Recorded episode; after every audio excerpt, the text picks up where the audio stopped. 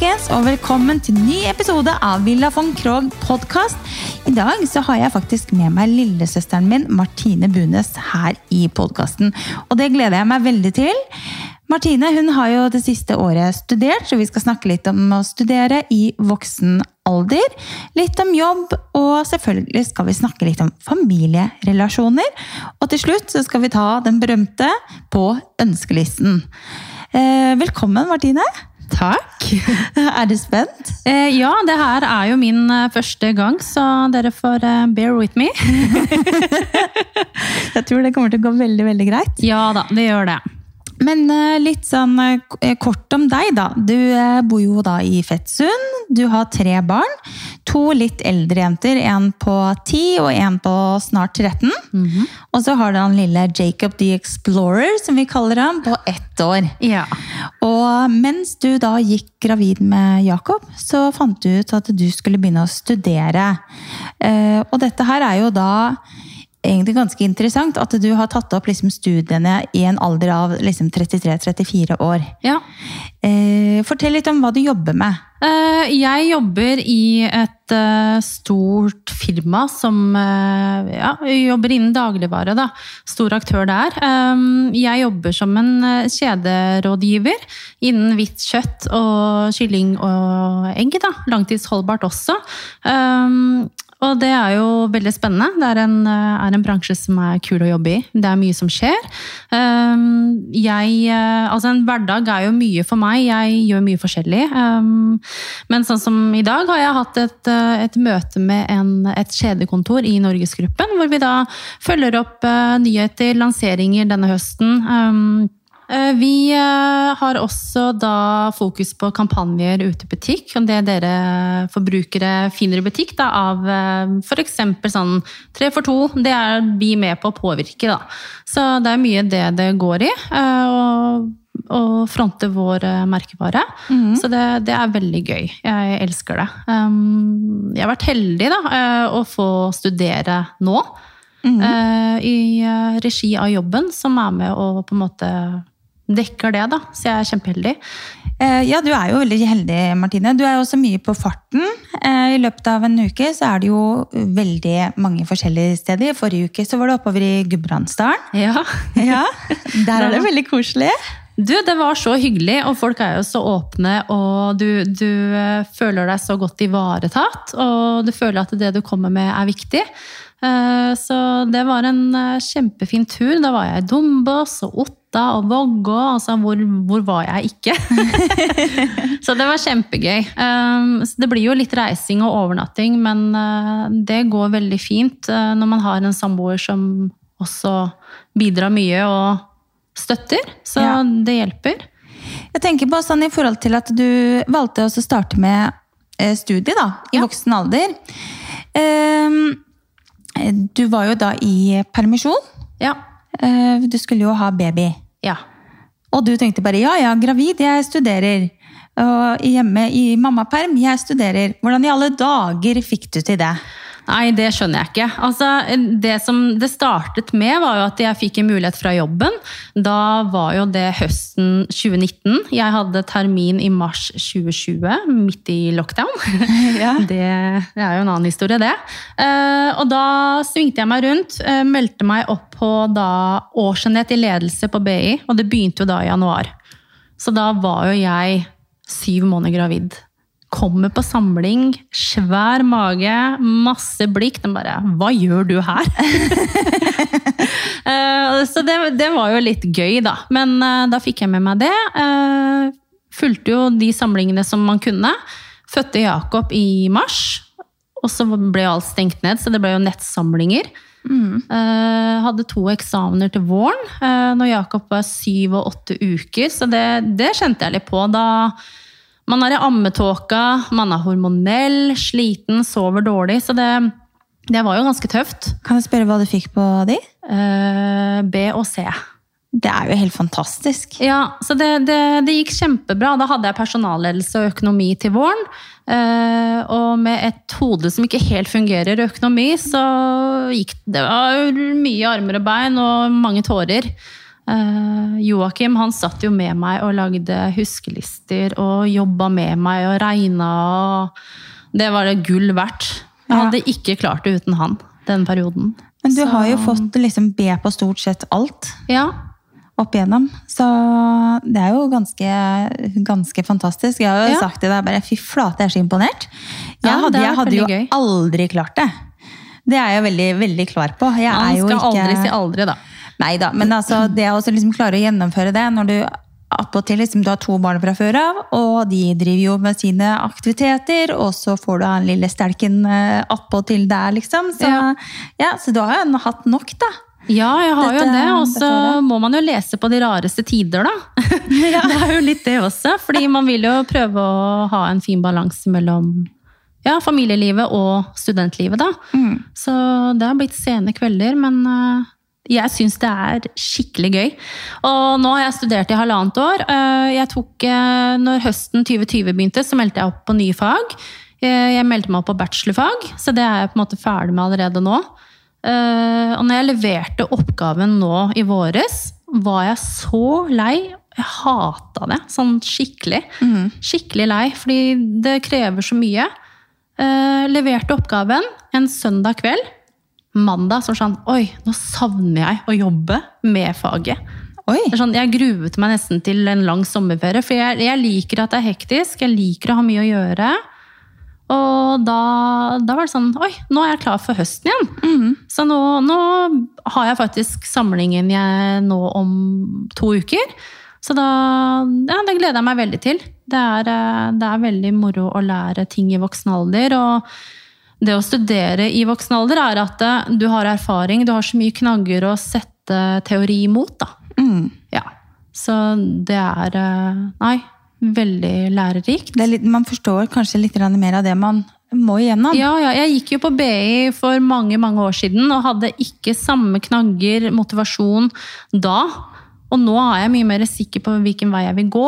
Um, og nå er jeg jo i det løpet at jeg er halvveis til bacheloren. Mm. Så, og jeg kan jo ikke ta det på fulltid, så det tar jo flere år. Men om to år så er jeg ferdig. Ja, det er Ja. utrolig bra, Martine. Og så har jeg en arbeidsgiver som tilrettelegger eh, veldig, og bistår og hjelper meg med det jeg eh, trenger. Og så siden jeg på en måte har forhandlet meg frem til en avtale med jobben, så vil jeg jo binde meg i ettertid også, da. Men det er helt greit. Ja. Ja, Det er jo en trygghet, det. Ja det er en fantastisk og- eh, arbeidsgiver, så jeg vil jo være der.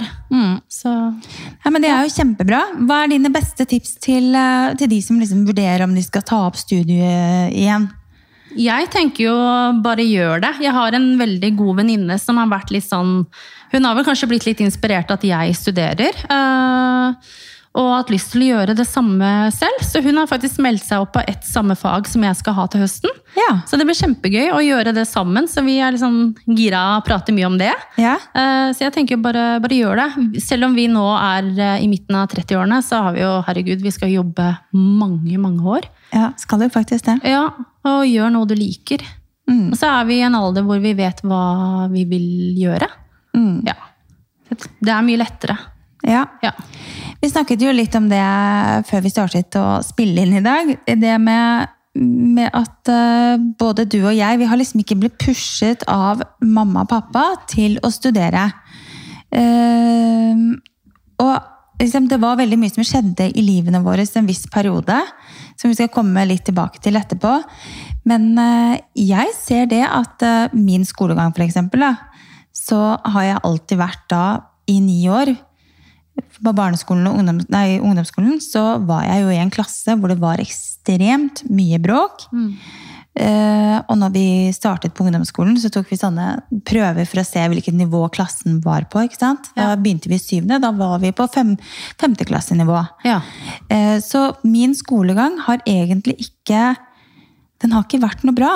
Verken på barneskolen eller ungdomsskolen. Selv om jeg hadde venninner og sånn. Men det, det var alltid mye slåssing og bråking og, og kasta stoler ut av vinduet på Statsberg, liksom. ja, Det var jeg helt- husker det. Det Det var, helt, vel tidenes verste trinn, tror jeg. ja, det var helt Texas. Eh, Så, så jeg har jo ikke noe jeg har ikke noe glede av å se tilbake på skolegangen min, og jeg tror det også har resultert i da, altså når jeg kom på videregående, eh, så eh, kom jeg da på idrettslinja. Det var greit nok, det, men jeg følte meg Jeg drev jo med dansing på ganske høyt nivå, eh, egentlig. Og, og ville liksom prøve å, å jobbe litt med det, da. ikke sant? Så jeg Ja. trente jo på det meste ni dager i uka for å prøve å komme meg inn på landslaget, f.eks. Mm. Eh, men jeg følte meg ikke liksom hjemme på, på Rælingen Nei. på videregående. Det var liksom håndballspillere og andre som liksom drev med i gåsetegn ordentlig idrett, og så var det bare jeg som var danser. ikke sant? Ja. Så da valgte jeg rett og slett å starte på Vang. Topp, på toppidrett. Ja. Og det gikk jo ad undas. Jeg hadde det så forferdelig. Så jeg klarte jo da rett og slett ikke å fortsette å fullføre videregående. Eh, og da Det var jo en periode hvor det var mye med mamma og pappa, så de klarte ikke helt også å liksom være der for meg og pushe meg. Nei. Eh, så da ble det til at jeg begynte å jobbe, da. Ja. Eh, Så, så jeg liksom tenker tilbake på det at jeg har jo ikke, ikke fått tatt meg noe utdannelse. Eh, Men jeg er jo også igjen så heldig at jeg jobber med det jeg kan, da. Mm. Ikke sant? Og at jeg har klart å, å gjøre det til et levebrød. Men det er jammen meg ikke lett. Nei. Og sånn som i forhold til at vi har jo barn nå på 13 og 14, ikke sant? Ja. eh, som eh, ja, er på ungdomsskolen, og, og liksom det å motivere dem til å gjøre det greit på skolen. Mm. Det er så viktig. Og da tror jeg både du og jeg kommer til å være litt strengere enn hva mamma og pappa Ja, helt klart. var med oss. Ja, det er mye samtaler om det rundt bordet hjemme, og har vært det egentlig lenge, fordi man må jo forberede de. Eh, Josefine startet jo på ungdomsskolen nå i åttende trinn, og der er det seks klasser på åttende trinn, så det er ganske mange elever. Hun ble plassert i en klasse som hun eh, var veldig misfornøyd med sånn med en gang. Eh, fordi det var ikke noen hun kjente, og um, alle venninnene begynte i de andre klassene syntes det var en veldig urettferdig fordeling. Uh, og så hun fant ut at det egentlig var en litt sånn rolig klasse. Og da tenker jeg bare yes, det er jo perfekt. Det er jo da det er rom for læring. Ja. Ja, Så hun har eh, den rette arenaen sånn sett, da. Er det bare bli, Sti. Der skal hun være, og læreren hennes er helt fantastisk, så eh, mor er fornøyd. Mor er fornøyd, da. Men Ja. det er jo noe med det ehm, Ja, det er ungdomsskolen, Guri land, det, og det er jo ikke alltid like lett for verken meg eller Fredrik, som har vært skoleflinke. Mm. Ingen av oss har vært det. Fredrik han er jo utdanna bilmekaniker. Ja. Han kom inn på Mekken, for han hadde jo ikke bra nok karakterer til å komme inn på det han ville komme inn på. Mm. Så han var bilmekaniker en periode, og så gjorde han i mer i voksen alder, så studerte han på BI for å bli eiendomsmegler. da. Ja. Så han har, jo, han har jo de studiene, men han har aldri liksom vært en skoleflink, han heller. Og det for oss eh, å pushe Emma og på en måte vise henne viktigheten av å, å gjøre det bra på skolen, Mm. den er ikke så enkel. For hun sier jo bare, svarer med bare Ja, men dere var jo ikke noe flinke på skolen, og det har jo gått kjempebra for dere. ja. Ja, det har det, men vi er egentlig vi er, vi er litt heldige. Vi har hatt litt flaks, flaks liksom. ja. Så, Så er det en helt annen generasjon. Ting har endret seg mye, da. ja, Ja. Det blir helt annerledes for de når de skal ut og jobbe. De er nødt til å ha en utdannelse, da. mm, Og det ser jeg selv, at eh, litt sånn grunnen til at jeg velger å gå videre nå, er jo at eh, jobben satser jo på meg. eh, og kvinner i firmaet. firma. mm. Og det er krav til bachelor og master, og så, sånn er det bare. Så mm, det kombinert med masse erfaring, det, det er viktig. det er det. Ja. Og skulle det gå skikkelig gærent for meg at jeg ikke har noe jobb å gjøre, så får jeg bare snu meg rundt, for kreativ er jeg i hvert fall. Ja, så, ja, ja. så jeg skal alltid klare. Å, jeg skal alltid klare liksom å finne noe å, å fø familien på. ja, det går nok bra. Så sånn er det jo bare. Ja. Men eh, litt sånn eh, Vi var jo litt inn på dette med mamma og pappa. Vi skal jo snakke litt om familierelasjonen vår i dag. Ja. Du er jo da lillesøsteren min, fem år yngre. ja. Var en pain in the ass Det vet jeg. når du var eh, mindre. Eh, og så har vi liksom i voksen alder eh, Vi har jo blitt bestevenner. Ja. Snakker med hverandre stort sett hver bidige dag. Ja. Eh, snakker stort sett med mamma hver bidige dag òg. Jeg gjør vel det opptil flere ganger om dagen. Ja. Ringer og hører at hun puster og lever. Må sjekke innom. Må sjekke. Ja. Så, um, men vi har jo hatt eh, sånn som de fleste egentlig, litt av en reise til å komme dit vi er i dag. Ja. Det er jo alltid noe i familier. Eh, selvfølgelig mye positivt, men også ting som har vært vanskelig opp igjennom da, ikke sant? Ja. Eh, og når du da Når du var 15 Mm. og jeg var 20, da ble det rett og slett brudd for mamma og pappa. ja. Da orka de ikke mer. Nei. Eller mamma orket ikke mer. Det var, det var sånn det var. Mm. Eh, og da bodde jo Vi bodde hjemme, begge to, Ja. med mamma og pappa. Eh, og det som skjedde da, det var jo at jeg og pappa flyttet ut. Ja. Eh, Det har jeg snakket litt om før. Vi hadde jo ikke noe sted å liksom gjøre av oss, så vi bodde på et lager i Fettsund. Mm. Og gjorde om det til på en måte satte opp noen lettvegger og bodde der liksom provisorisk. Ja. Pappa fikk seg ny dame og flyttet inn der etter hvert. Mm. Så der Og jeg flyttet til en leilighet som jeg leide i Lillestrøm. Ja. Eh, Så jeg var veldig mye med pappa Ja. og nye kjæresten hans. Og du, du var eh, mye Du bodde jo hos mamma Ja. og var der med hennes nye kjæreste. ja. Det var jeg.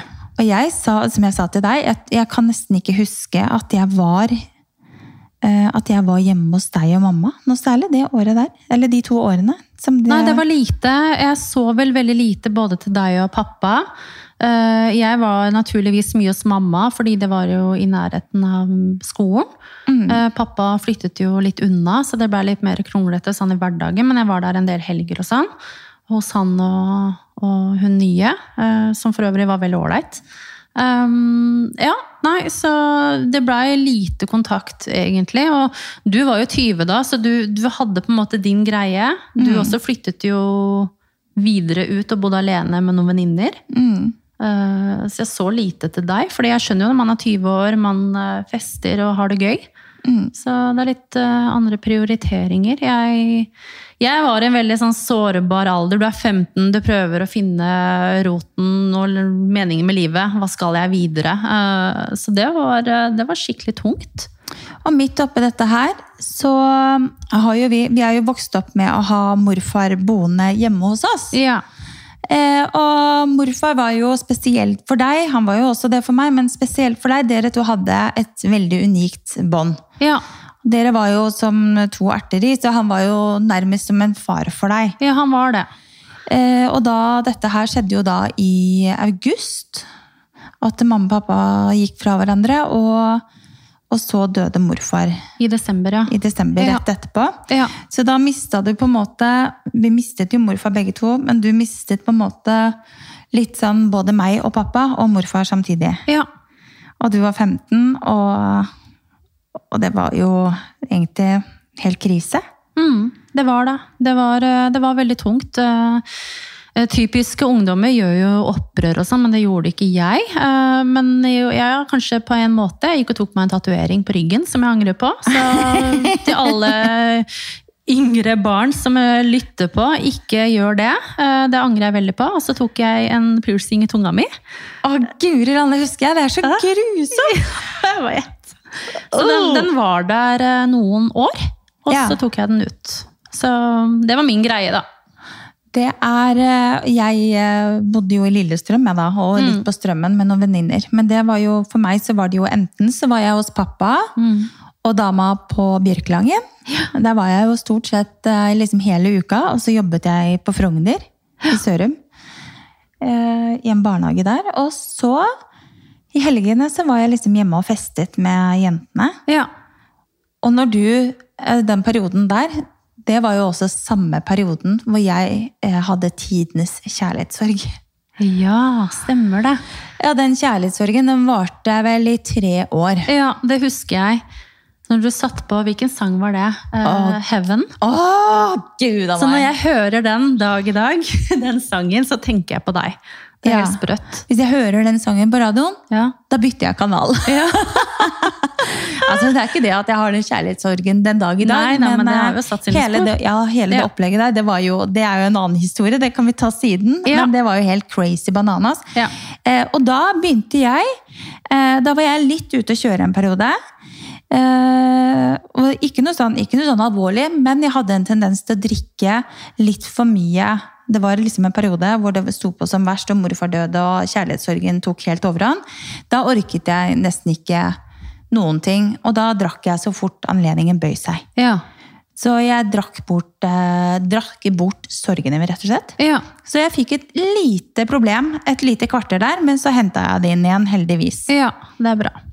Så um, det var jo aldri snakk om noen narkotika eller noen sånne Nei. ting. Jeg har jo aldri, aldri, det, aldri prøvd noen ting. Takk og lov. Men uh, ja, man skal passe seg for alkohol òg, gitt. Ja. Mm. Skal det, altså. Men det som skjedde da, det var jo da at eh, mamma og pappa de var jo da fra hverandre i, eh, i to år, de da. Ja. Eh, og det var også to år hvor vi på en måte nesten ikke hadde noe kontakt. Mm. Jeg var opptatt med mitt, og du var jo på en måte hos mamma og var opptatt med ditt og skole og sånn. Ja. Eh, men så, så går det to år, og så finner mamma og pappa tilbake til hverandre. Ja. Og da husker jeg Dette her var jo da i eh, november-desember. November, tror jeg det var. I 2004. Ja, stemmer. Og da hadde mamma og pappa akkurat blitt kjærester igjen, og så tenkte de at nei, vi skal ta med, ta med Anine og Martine til Thailand. Ja. Eh, Så vi skal dra dit eh, i julen. Mm.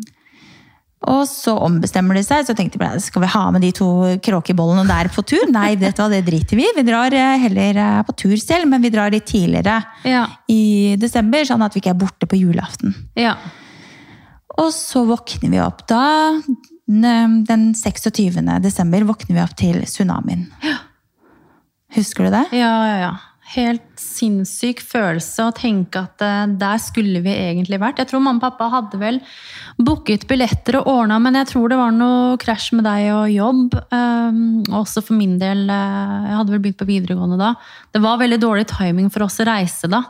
Så de valgte jo å reise selv litt tidligere. Men eh, ja, det, det er ganske sprøtt. Vi slapp unna den.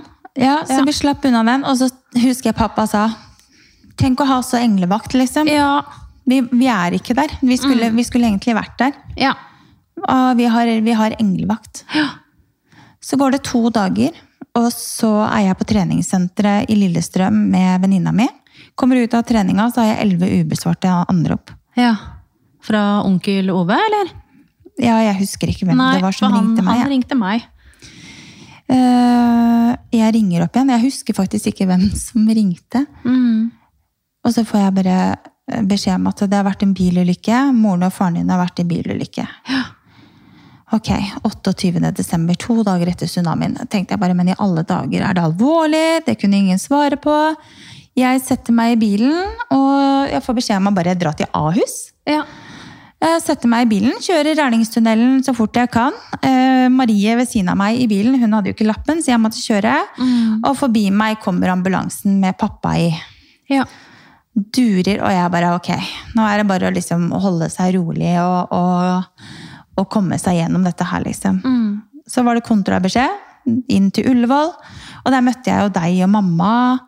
Eh, Hege var der. Hege, din, en av dine nærmeste venninner. Fordi jeg var på jobb på Triaden den ettermiddagen. Eh, og så var det en vekter som kjørte meg til Ahus. Ja. For jeg hadde jo ikke lappen, jeg var 17. Eh, og så kom jo den kontrabeskjeden om at pappa var på Ullevål, og da kom Hege og hentet meg. Og Madeleine. Og Madeleine, Ja, ja. det jeg, var de jeg husker ikke engang. Nei. Men ja, kjørte inn til akuttmottaket på Ullevål, da. hvor jeg møtte deg. Ja. Ja. Så liksom to av mine venninner, og for så vidt eh, dine venninner òg, da. Ja. Så der satt vi på Ullevål. Pappa, pappa var eh, på operasjonsbordet. Mamma fikk hjernerystelse. ja. Men pappa, han, eh, det var en dame som rett og slett Vi tror hun lette etter mobilen sin. Kjørte ut og fikk skli på bilen. Så hadde hun en sånn svær kufanger foran bilen. Kjørte rett inn i pappa. Pappa måtte jo skjæres ut av eh, brannvesenet og, og mistet to tredjedeler av blodet i kroppen og hadde hjertestans i 32 minutter. Mm. Eh, på Ullevål så amputerer de venstre bein under kneet. Ja, det var jo Eh. knust, så det var jo nesten avrevet. Det var Ah, liksom bare å få vekk det lille som var igjen. Og så våkner vi opp dagen etterpå, og det har gått infeksjon da, i beinet, så måtte ta det over kneet. Ja. Og da var det jo Det var jo mye, mye greier.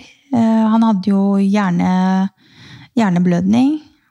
Ja, altså det var eh, en ganske kraftig hjerneblødning. Um, en punktert lunge. Altså, hva var det ikke? Det var, det var mye, da. Husker du første gang vi fikk lov å komme inn på sykehuset, så ser han etter ulykken? Ja. eh, Jeg husker det vagt, men ja, jeg gjør jo det. Han var jo veldig hoven Kjente han ikke igjen? i kroppen. Du kjenner han ikke igjen i det hele tatt. Det, det, det som er så rart, at det er jo den hendelsen som har preget meg mest i livet, men samtidig så er den så fjern fordi man, man prøver på en måte å glemme det. Ikke glemme det, men det ligger langt bak, da. Mm, man prøver å, å distansere seg litt fra det. Ja. Åh, nå, sender, nå renner det tårer her. ja. Eh, det som skjedde, da, det var jo at eh, det gikk greit med mamma.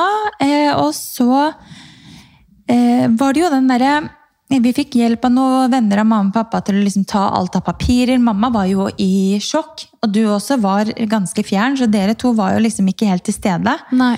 Eh, og så påtok jeg meg på en måte det ansvaret å prøve å få ting litt på plass. da. Ja. Eh, og, og da skjønte vi jo fort at mamma bodde jo i leilighet i fjerde etasje. Mm.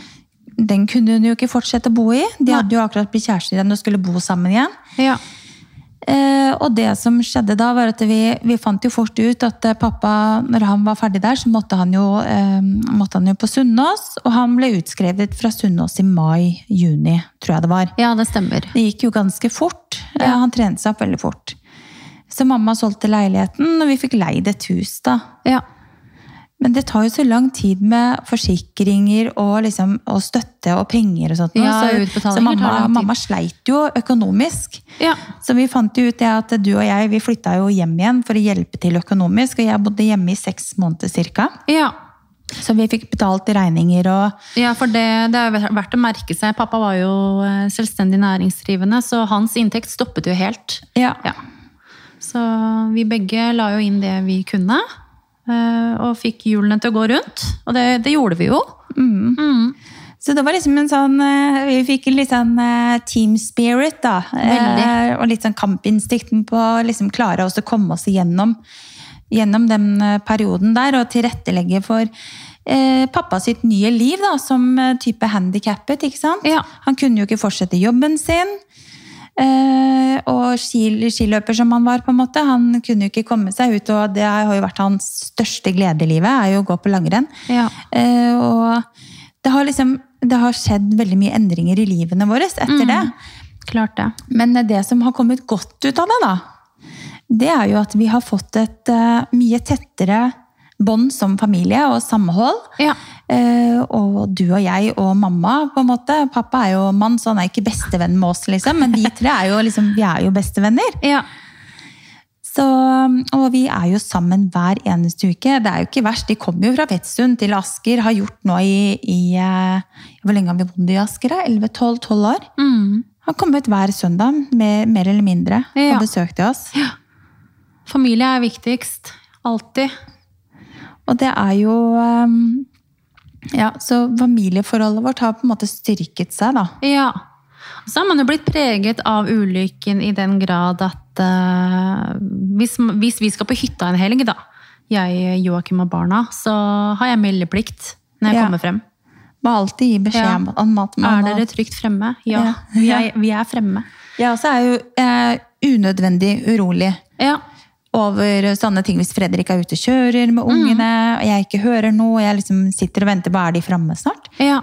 Du må ringe og gi beskjed. Ja. Så jeg også har den der. ja. Jeg klarer ikke å roe meg ned før jeg liksom vet at de er på plass. Nei, men eh, det følger deg, altså. Ja, det gjør det. Ja. Og det er jo litt sånn, i forhold til at vi har bygd huset her nå også, så er det jo veldig mange som har tenkt det at jøss, yes, så, så jålete det er å sette inn heissjakt, liksom. Men det er jo, vi har kjøkken og oppholdsrom og stue i, i tredje etasje. Og den dag i dag så sliter pappa med å gå opp de trappene her. Ja. Altså, han har jo vært ganske sterk hele, vei- eh, hele veien. eh, Og altså, hva han ikke har gjort etter ulykken med å gå på prosjekter og pusse opp hus og hjelpe oss. Og han er jo han er jo en maskin, rett og slett. Eh, Men jeg ser veldig tydelig nå siste egentlig halvåret at Han har jo gått på protese siden 2005. Det er Mm. mange år. Det er mange år med, med belastning på friskefoten, hvis man kan kalle det for det. Eh, og hofta. Så han har jo veldig problemer med å gå nå. Mm. Og jeg tenker jo sånn fem, seks, syv år kanskje allerede. Eh, så kan det fort være at han ikke klarer å, å gå lenger, da. Da sitter han i rullestol. Ja. Ja. Og da har vi heis! Da har dere heis! Velkommen opp! Så da får han bare dra til dere på besøk, og ikke oss. Nei. For vi har trapp. Hvis ikke dere har bygd hus, da, Ja, så kan man, eh, kan man alltid tilrettelegge for det. Ja. Nei, Så det er rart med det. Alt for familien, gitt. ja. Så, og jeg ser jo det i forhold til barna våre også. Nå har vi liksom eh, De eldste jentene, de er jo erteris. Og Ja. så har vi liksom Alfred og Jakob, som også kommer til å, ta masse glede av hverandre. da. ja. Det er liksom, Vi trives med å være sammen, da. Veldig. Gjøre ting sammen. Ja. Og det tror jeg er litt sånn unikt for vår familie. ja, det er jo det. Det er ikke alle som er like mye sammen, sånn som vi er. Nei, det vet jeg jo. Det er jo veldig unikt. Så, så det er jo noe med det. Mm. Men litt sånn i forhold til barndommen vår også, Martine, så har jo mamma hun har jo på en måte alltid vært veldig til stede for oss. Pappa har jobbet mye og vært mye ute. Ja. Som selvstendig næringsdrivende og muremester som han var. Mm. Eh, Men mamma har liksom alltid passa på at vi skulle ikke mangle noe. og Vi skulle liksom få nok kjærlighet og, Ja. og oppmerksomhet. da. Ja. Og det kommer jo også veldig mye av, av barndommen til, eh, til mamma. Vil du Ja. fortelle litt? eh, Eh, ja, altså når mamma var eh, tre år og onkel var ett år, så valgte deres mor å forlate de. Hun flyttet på kort varsel. Plutselig var hun borte. Um, så de, de vokste jo opp uten en mamma. De hadde sin far og eh, bestemor da, som eh, nærmeste. Så det er klart det preger deg. Du, altså, tenk å ikke ha mamma. Det, det klarer ikke å forestille meg det engang. Nei, og Nei. mamma ble jo mobbet en del på skolen Ja, for at hun ikke hadde mor. for at hun ikke hadde mor. Ja. Eh, og det i seg selv er jo helt horribelt. Men dette her var jo da, ikke sant? Det var jo i 59. 1959, og da på slutten av 50-tallet, 60-tallet, så var det ikke så vanlig å ha skilte foreldre. Nei, det var skamfullt, ikke sant? Det var kjempeskamfullt. Ja. Eh, og det som var da, at eh, mamma visste jo ingenting om moren sin før det gikk noen år. Mm. Eh, og og det, de var jo faktisk i, i retten hvor familien til da ja, hva skal man kalle henne? Kan jo ikke akkurat kalle henne for mormor. til Gro, da, som, Ja. hun, som hun het. Ja. Familien til Gro de, eh, de vitnet mot henne, og, og da fikk morfar ene, ene rett, ene for- forsørgerrett, eller hva enn man kaller det, Ja. eh, for, eh, for disse for barna. da. ja. Og det var vel egentlig Det var vel først når mamma var tenåring at hun liksom fikk vite at, at Jeg tror mamma møtte henne for første gang hun var 16. Kan det være riktig? Nei, jeg tror hun var litt yngre. Var hun det? 13-14, kanskje. var, ok, Jeg mente det var 16, men da har jeg fått med meg feil. Eh, og da kommer i hvert fall mamma dit, og Mm. i den døra der er det tre barn som åpner døra. Og da har hun fått tre nye barn eh, og endret eh, liksom Ja, hun fikk seg ny mann og, og tre nye barn, så da, det var vel derfor hun stakk, da. Nei, Det er, det, er, eh, det er rart å tenke på. Man forstår det ikke selv, og spesielt etter at man ble mamma selv. Man kunne aldri gjort noe sånt. Nei. Så hun var jo noe, var jo noe for seg selv. Hun var jo Ja. ekstremt egoistisk og selvsentrert som Ja. person. Eh, Så det, mamma fikk jo aldri noe, på en måte, noen relasjon til henne. ikke Nei. sant? Men det er, hun har savnet den morsrollen i, Ja. i livet sitt. Veldig. Ja, Eh, Og derfor tror jeg hun også har vært veldig påpasselig på å gi den til oss. da. ja det har hun. Så tusen takk for det, mamma. Ja. Vi er veldig takknemlige for det. ja. Det er, eh, det er godt å ha en fin familie Ja. som man er glad i. ja. Og så er det jo sånn som i vår familie, så er det jo et og annet støtt og stadig. Vi har jo tenåringsdatter i hus også. Begge to, ja. Ja. Så, så det er jo Man får jo bryne seg på det ene og det andre. ja. Men liksom jevnt over så har man liksom har man det ganske fint, da. ja. Det er veldig bra. Mm. Mm. Så den um, bilulykken, den har liksom Den har jo gjort sitt til at livet vårt har endret seg litt, da. Ja. Eh, Fokuset har jo blitt noe helt annet. Um, Det er jo alltid familie først. Uansett. Ja. Ja, jeg kjenner at jeg veldig sånn vil verne om mamma og pappa. Og det er liksom der, Når man blir eldre og vi er i den alderen vi er nå, så er det, er det, lite, det er et lite skifte. De Mm. har tatt vare på oss, men nå, nå er det vi som tar vare på de. På en måte. Ja. ja, det blir litt sånn. Og jeg syns det er veldig godt og veldig riktig, da. Ja, og Martine Ja. sier jo dere får ikke lov å flytte lenger unna enn det og det og det. Hvis de skal selge huset sitt etter hvert, så er det bare Dere får ikke lov å flytte til Aurskog, det er for langt. Dere får ikke lov å flytte dit. Nei, men det er litt sånn, Du bor i Vollen. Eh, Det er jo 50 minutter ish å kjøre inn til Fødtsund. Jeg bor jo, eller Vi bor i Fødtsund, både jeg og min samboer og mamma og pappa. Og jeg ser jo det at, eh, kall det byrden, vil jo ligge litt på meg i fremtiden å følge opp disse gamlinga. Ja. Så da skal ikke jeg kjøre 20-30 minutter én vei Nei. midt i ukedagene når jeg har tre barn som skal følges opp med skole, eh, lekser, eh, treninger. Altså, litt egoistisk må jeg være. Det Ja. må du faktisk være. Så de får holde seg i nærheten. Ja, Ja. jeg er helt enig. Mamma vil jo det, men pappa vil jo helst lengst unna. ikke sant? Så det, Ja, pappa han har blitt sånn, der, han har blitt sånn bondeland-bondetamp. Han vil helst flytte til Setskauen. Ja, men det får han ikke lov til. Vi har jo familie fra Setskog. Ja. Men eh, det er fint på Setskog, det er ikke det, Ja. men det er litt langt unna oss. Det er det. Hmm. Alternativet er jo også rett og slett spleise på en au pair til dem, da. Den passer på, ja. Ja. Ja, ikke sant? En hong. En hånd. Hong! I dag er det deilig ta mat, ja! Ja. Tenk å gjort det. Nei, jeg blir hongen deres, ja, altså. Ja, Martine Hong Bunnes. Yes. ja, det er veldig greit. Ja. Det Det er, ja, Men fint. er bra. Ja, da har vi jo snakket litt om eh, familierelasjoner. Det er jo veldig, det er jo veldig personlig og, og liksom privat, men ja, det er fint å prate litt om det òg, syns jeg. Ja, det er det. Eh, Så det er flere som har kommentert opp gjennom bare, familien din er støtt og stadig på besøk. Ja, ja, det er Ja. de. de er faktisk det. Ja. Og bare sånn som når vi har bygd hus òg. Altså, mamma og pappa er jo på en måte våre største fans. Mm. De har jo vært her hver bidige uke. Nei, vi må bare oppom huset en tur før vi kommer bort til dere. vi. Ja. Så kjører de opp og så ser, og ja, nei, dette blir så fint. Og de har jo veldig interesse av det. det er Ja. jo, har jo liksom vært i bransjen og er kreative sjeler, begge de to også. Ja. Så det er veldig morsomt. da. ja.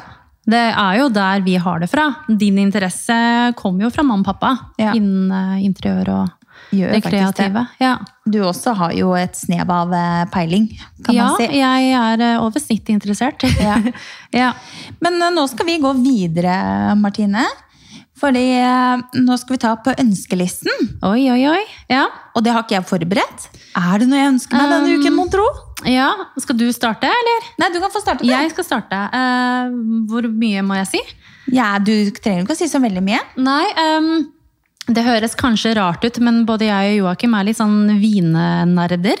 Ja. Og litt sånn hobbysamlere. Så vi går jo veldig sånn dypt inn i å lære oss ting. Og det er jo veldig gøy å ha den eh, felles greia.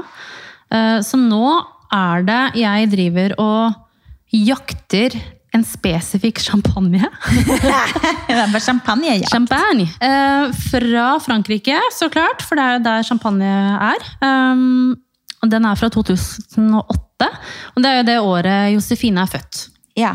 Og det er jo en av de beste årgangene til champagne. eh, I hvert fall det tiåret. Eh, så det er jo vanskelig å få tak i. Så nå har jeg snakket med Vinmonopolet. Og så har jeg fått eh, kontaktinfo til importør, så nå har jeg tatt kontakt med de. og bare venter på å høre. Så jeg håper det at det er å oppdrive. Uh, ellers så må jeg ut og jakte, da. Når vi Ja. skal ut og reise igjen. ja. Ja, Så jeg håper at jeg får tak i dem. Uh, det er jo greit. Ja. Eh, hvilken anledning du skal ha den til, det gidder vi ikke å snakke om Nei, her. det kan vi ikke snakke om. Det kan vi ikke snakke om her. Det, er, det får, får bli hemmelig. Ja, En liten periode til, i hvert fall. Ja, men det er gøy å lagre vin, og det er gøy å lagre champagne. Kan jo ligge uendelig lenge. Så spare for senere anledninger. Ja. det er gøy. På ønskelisten, ja. Forrige uke så ønsket jeg meg en ny blender. Den har jeg altså gått og skaffa meg. Ja, jeg ser den.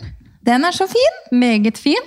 Så nå kommer eh, Emma til å hoppe i taket når hun kommer hjem eh, fra skolen i dag og se at mor har skaffet blender igjen og Ja. kommer lage smoothies. Deilig. Så det blir veldig deilig. Ja. På ønskelisten Jeg ønsker meg teppe til sofaen. ja. Eh, rett og slett fordi at det, er så store gulvflater, og så syns jeg liksom det å ha et gulvteppe under sofaen er veldig fint. Ja, det blir lunt. Eh, Så jeg er på jakt etter et stort nok teppe. Og det kan godt hende at jeg bare kommer til å bestille vegg-til-vegg-teppe, for det får du jo på mål. Ja. Og de er jo fire meter eh, brede. Ja. Og så kan du liksom bestille så lang du trenger den. Og jeg trenger jo en som er fire ganger fem meter. Ja, ikke sant? For det er jo ganske mye sofa og en svær stol. Mm. Så eh, gulvteppe Ja. står på ønskelista. Det er jo veldig deilig nå som det blir kaldere ute også. Det blir lunt og Det blir litt mer hyggelig å sitte i sofaen, faktisk. Ja, det gjør det. Ja. Det gjør det absolutt. Ja. Så vi får se hva man finner. ja. Jeg, eh, altså Min eh, kjære svigerfar han er en meget kreativ og flink mann. Og, um, og eh, det var ja, det var kanskje to år siden jeg satt og elsket jo Valgrens verden. Yes. Og ja, nå kommer det en ny sesong snart. Elsker det. Um, når Bianca da pusset opp den nye leiligheten, så lagde hun en bokhylle. Og jeg bare Den må jeg ha! Yeah. Så jeg tok screenshot, yeah. sendte til svigerfar. Bare 'denne vil jeg ha'. Yeah. Så han og Joakim begynte å bygge den. Vi tegnet uh, på mål uh, hvordan vi ville ha den. Den er jo 360 lang, og hvor høy er den? Vi har jo veldig høyt under taket hjemme. Det er jo faktisk tre meter på det laveste, så den er vel 260 høy. Så det, den rommer jo mange rom, håper jeg. Eller man må jo fylle opp med mye. Så jeg ønsker meg bøker. Bøker, ja. Ja, Er det liksom type coffee table books? Ja sånt, både eller? det og alt annet, egentlig. Ja. Ja. Så, Vinbøker? Vinbøker, champagnebøker, skjønnlitteratur. Altså alt, egentlig. Så bøker er så fint. Ja, det er det. Ja. Så det ønsker jeg meg. Ja. Så smart. Ja. Det kan jeg egentlig kopiere. jeg også skal jo ha en sånn bokhylle etter hvert. Den Ja. kommer eh, i oktober, tenker jeg. Ja. Jeg driver og lager den nå. Ting tar litt tid, men sånn er det. ja. Eh, eh, det jeg, faktisk, som jeg, Noe av det som står øverst på lista mi Nå blir det jo litt sånn huslige ting, naturlig nok. Fordi at vi er jo, er jo i ferd med å flytte inn i dette huset. Og da, det som vi ikke har på plass, det er da peis. Ja. Og så har vi gått fram og tilbake hva vi skal gjøre med peis. Eh, Det som også er viktig å tenke på når man skal lage peis, det er hva er det gulvet tåler av vekt. Ja. Så vi kan ikke bygge den gruepeisen som vi hadde tenkt, fordi den blir for tung. ja, ikke sant. Den blir altfor tung, så, så da har vi funnet ut at det, vi må bygge i et helt annet um, system, og da Ja. er gasspeis egentlig tingen, tror jeg. Så jeg Ja. ønsker meg en gasspeis, en innsats. Eh, så jeg tror jeg faktisk har funnet ut hvilken jeg ønsker meg. Så mm, å få opp den peisen før jul hadde vært veldig gøy, fordi Ja. da skal vi jo ha jul i huset. Ja. ja, men det blir bra. Ja. Hvis jeg skal ta en sånn siste ting, det er jo lett å si mye materielle ting, men eh, det er jo, jeg håper jo at ting kan normaliseres litt utover. At man kan være litt mer sosial igjen. Man savner jo veldig det. Eh, litt, eh, det er jo blitt mye familietid eh, den tiden her, og det er jo veldig deilig. Men så savner man jo venninnene sine også. ja. Så jeg håper at det er mulighet for litt mer samlinger. Nå skal jeg faktisk på en venninnekveld hos en i gjengen på lørdag. ja. Så det blir gøy. Ja, Gleder meg til det. Kommer sikkert til å ta helt Det kommer til å ta helt av. Alle bare yes! Jeg har faktisk kjøpt inn en champagne-rosé for anledningen, så det gleder jeg meg til. Ja, så Ja. bra. Mm, så litt mer sånne kvelder. Det trengs. Det er, eh, det er veldig hyggelig. Jeg har faktisk begynt å invitere til selskaper igjen nå. Ja, Før ting er ferdig. Før ting er ferdig. Så jeg liksom sa jeg har invitert inn til middag Ja.